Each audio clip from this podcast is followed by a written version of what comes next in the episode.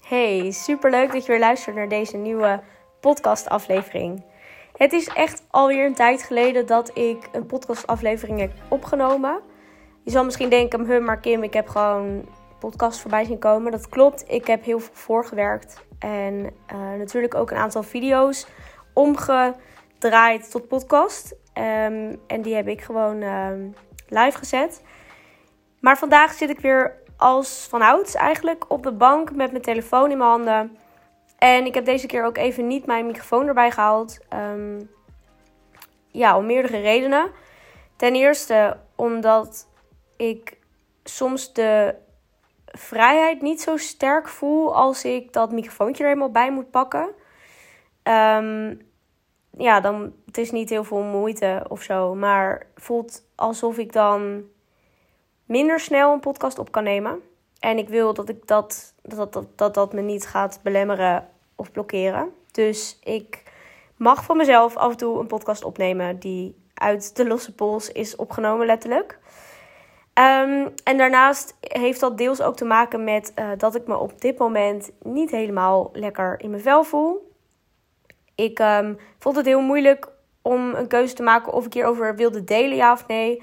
En toen dacht ik, ja, ik heb het ook al op Instagram gedeeld, dus ik deel het ook gewoon in mijn podcast. Um, misschien hoor je het ook al aan mijn stem. Ik ben fysiek niet helemaal, uh, nou ja, top of the game. Ik ben, ja, mijn weerstand is gewoon lately niet echt um, top. En daarbij merk ik dat mijn mentale gezondheid uh, daarin ook een, een rol gaat spelen, omdat het langer vasthoudt, langer volhoudt. Um, ja, ervaar ik dat gewoon als, als wat zwaarder. En um, ja, dat is momenteel waar ik mee aan het dealen ben. En het is niks groots of zo, niks ernstigs. Um, ik kreeg echt super lieve reacties in mijn uh, Instagram DM ook al. Maar goed, ja, ik wilde het toch even delen. Uh, puur ook om te laten weten dat er altijd ook mindere kanten zijn bij iedereen. Uh, mindere periodes, mindere momenten. En soms zijn die langer dan dat je denkt of hoopt. Um, ik kreeg vandaag een reactie met letterlijk daarin: Wow, echt thanks dat je dit deelt. Want ik denk soms echt dat ik de enige ben die dit, dit heeft. Nou, let me tell you something. You're not the only one.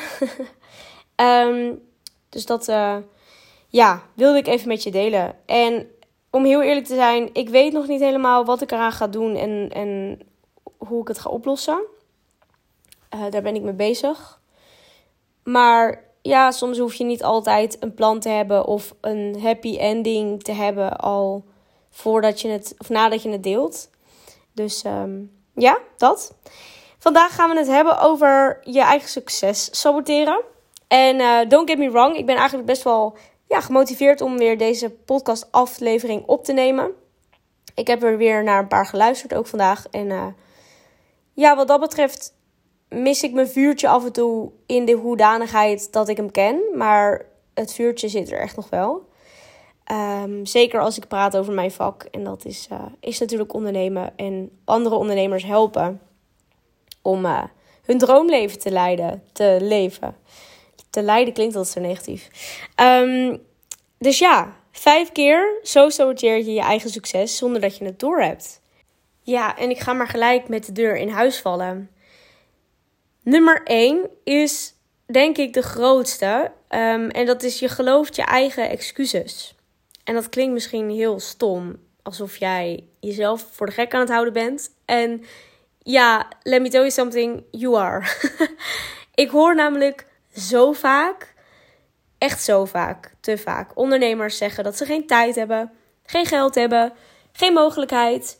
En dat ze vooral heel erg slachtoffer zijn van hun eigen situatie en leven. En natuurlijk, uitzonderingen daar gelaten. En don't get me wrong, want ik kan alles nuanceren. Maar ik wil ook bij mijn punt blijven en daarom laat ik de nuance even weg. Maar ik heb in mijn ogen altijd ja, de mogelijkheid om, als ik iets wil, er echt wat aan te doen. Als ik, stel ik wil een coach inschakelen en ik zeg daar geen genoeg tijd voor te hebben, omdat het een intensief traject is, ja, dan ga ik dingen schrappen uit mijn agenda. Als dat echt iets is wat ik wil en waarvan ik weet dat het me verder gaat brengen en dat ik daar mijn doelen uh, ja, of dat ik dichter bij mijn doelen kom. En als ik zeg dat er geen geld is, ja, dan zorg ik ervoor dat ik geld ga verdienen. Dan ga ik desnoods even weer terug in loondienst om even een aantal maanden uh, een buffer op te bouwen. Ik zeg maar wat. Of ik ga een lancering doen. Maar ja, als je je eigen, succes, je eigen excuses echt gelooft, dat je echt gelooft dat je geen tijd of geen geld hebt, dan ben je slachtoffer van je eigen excuses. De tweede reden hoe het kan zijn dat je je eigen succes saboteert zonder dat je het doorhebt, is dat je valt in je eigen gegraven valkuilen. Oftewel, je ziet je eigen blinde vlekken niet meer. En dat kan komen door bijvoorbeeld een hele bekende, het perfectionisme. We zijn soms zo positief over perfectionisme dat ik er bang van word. Ik heb een aantal jaar geleden echt flink afgerekend met perfectionisme. En daar ben ik ontzettend trots op en ook heel blij om. Omdat het was een overtuiging waarvan ik dacht: ja, dat is iets goeds. Maar eigenlijk was het mijn grootste valkuil. Die ik zelf aan het ja, graven was. Die ik zelf aan het maken was. Ik zag perfectionisme als iets uh, wat me verder hielp. Maar het was één grote blinde vlek. Want het hielp me niet verder. En zeker niet als ondernemer. En zo zijn er nog een aantal dingen die wij um, onszelf aanleren. Um, bijvoorbeeld andere prioriteiten. Dat je jezelf niet op één zet. Dat je altijd voor anderen er bent. Dat lijkt in eerste instantie altijd heel goed en iets heel positiefs. Maar als je echt gaat nadenken hoe dat is voor jou en ook voor jouw omgeving, dan zou je er altijd achter komen dat dat niet het beste is voor jou en je omgeving. Dan punt 3 is: jij hebt een belemmerende overtuiging over succes. En dat kan bijvoorbeeld zijn: ik ben het helemaal niet waard om dit succes te hebben. Of succes is voor kille mensen.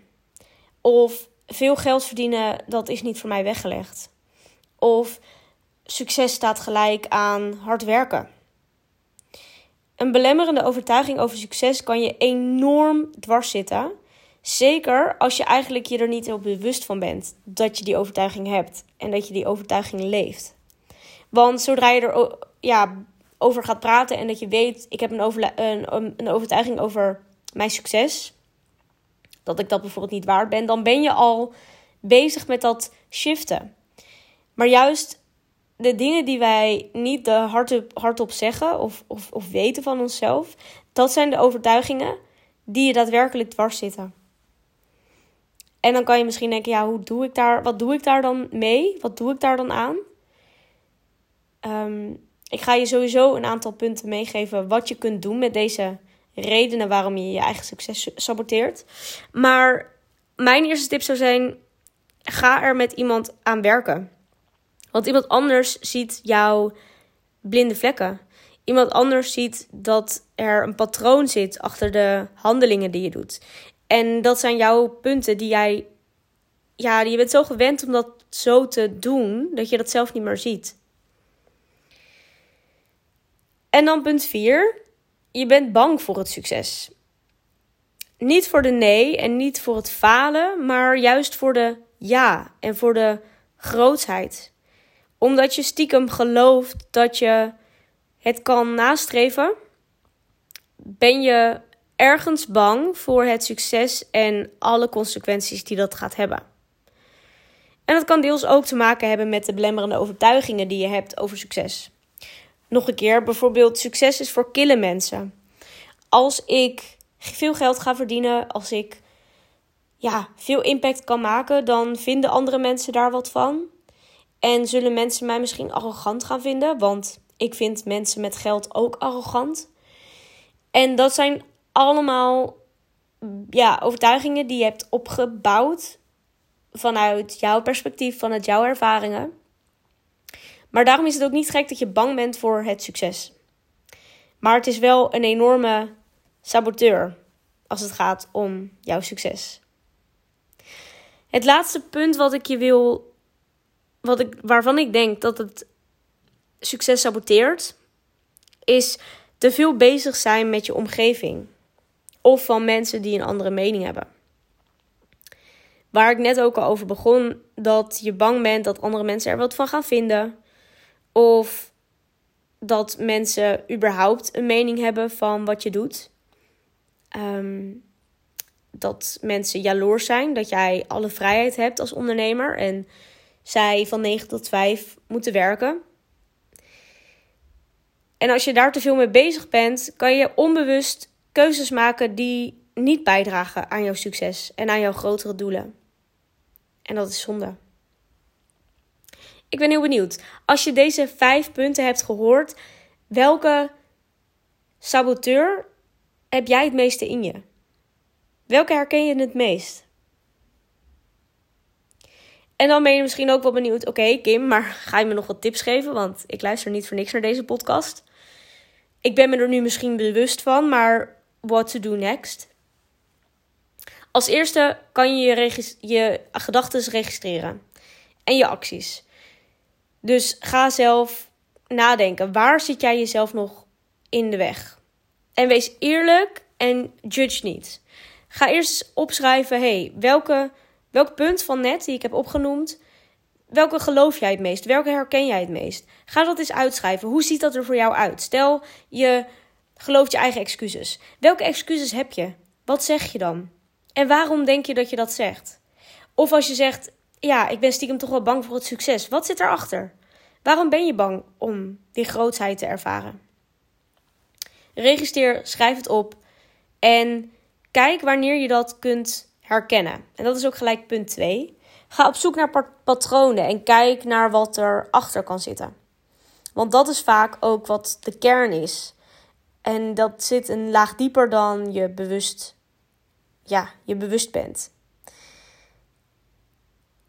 Vaak als het gaat om belemmerende overtuigingen, dan zitten daar patronen achter die je sneller kan ontdekken als je weet waarnaar je op zoek bent.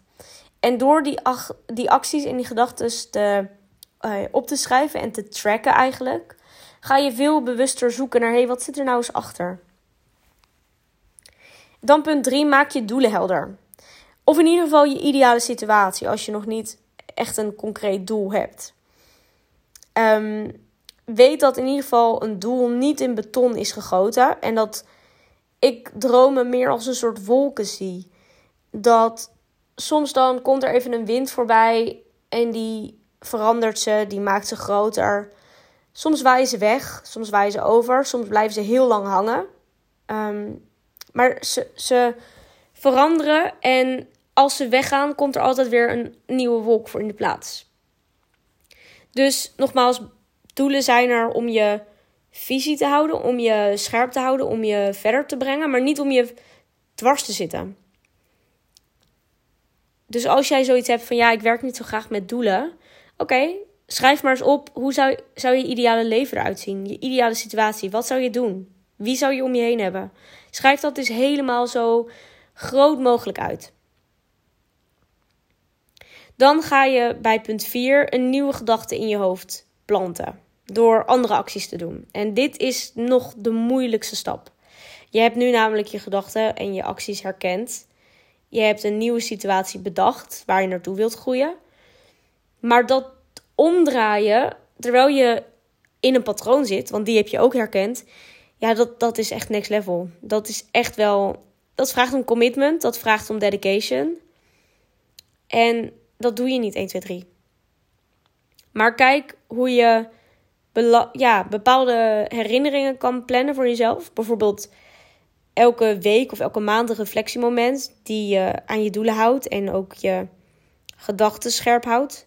Het kan ook zijn een reminder elke dag, misschien halverwege de dag, dat je een reminder stelt met die nieuwe gedachten die je in je hoofd wilt hebben. Het kan ook zijn een uh, mooie achtergrond met een quote of een afbeelding die je daaraan helpt herinneren op je telefoon. Het kan een post-it zijn op je spiegel, noem maar op.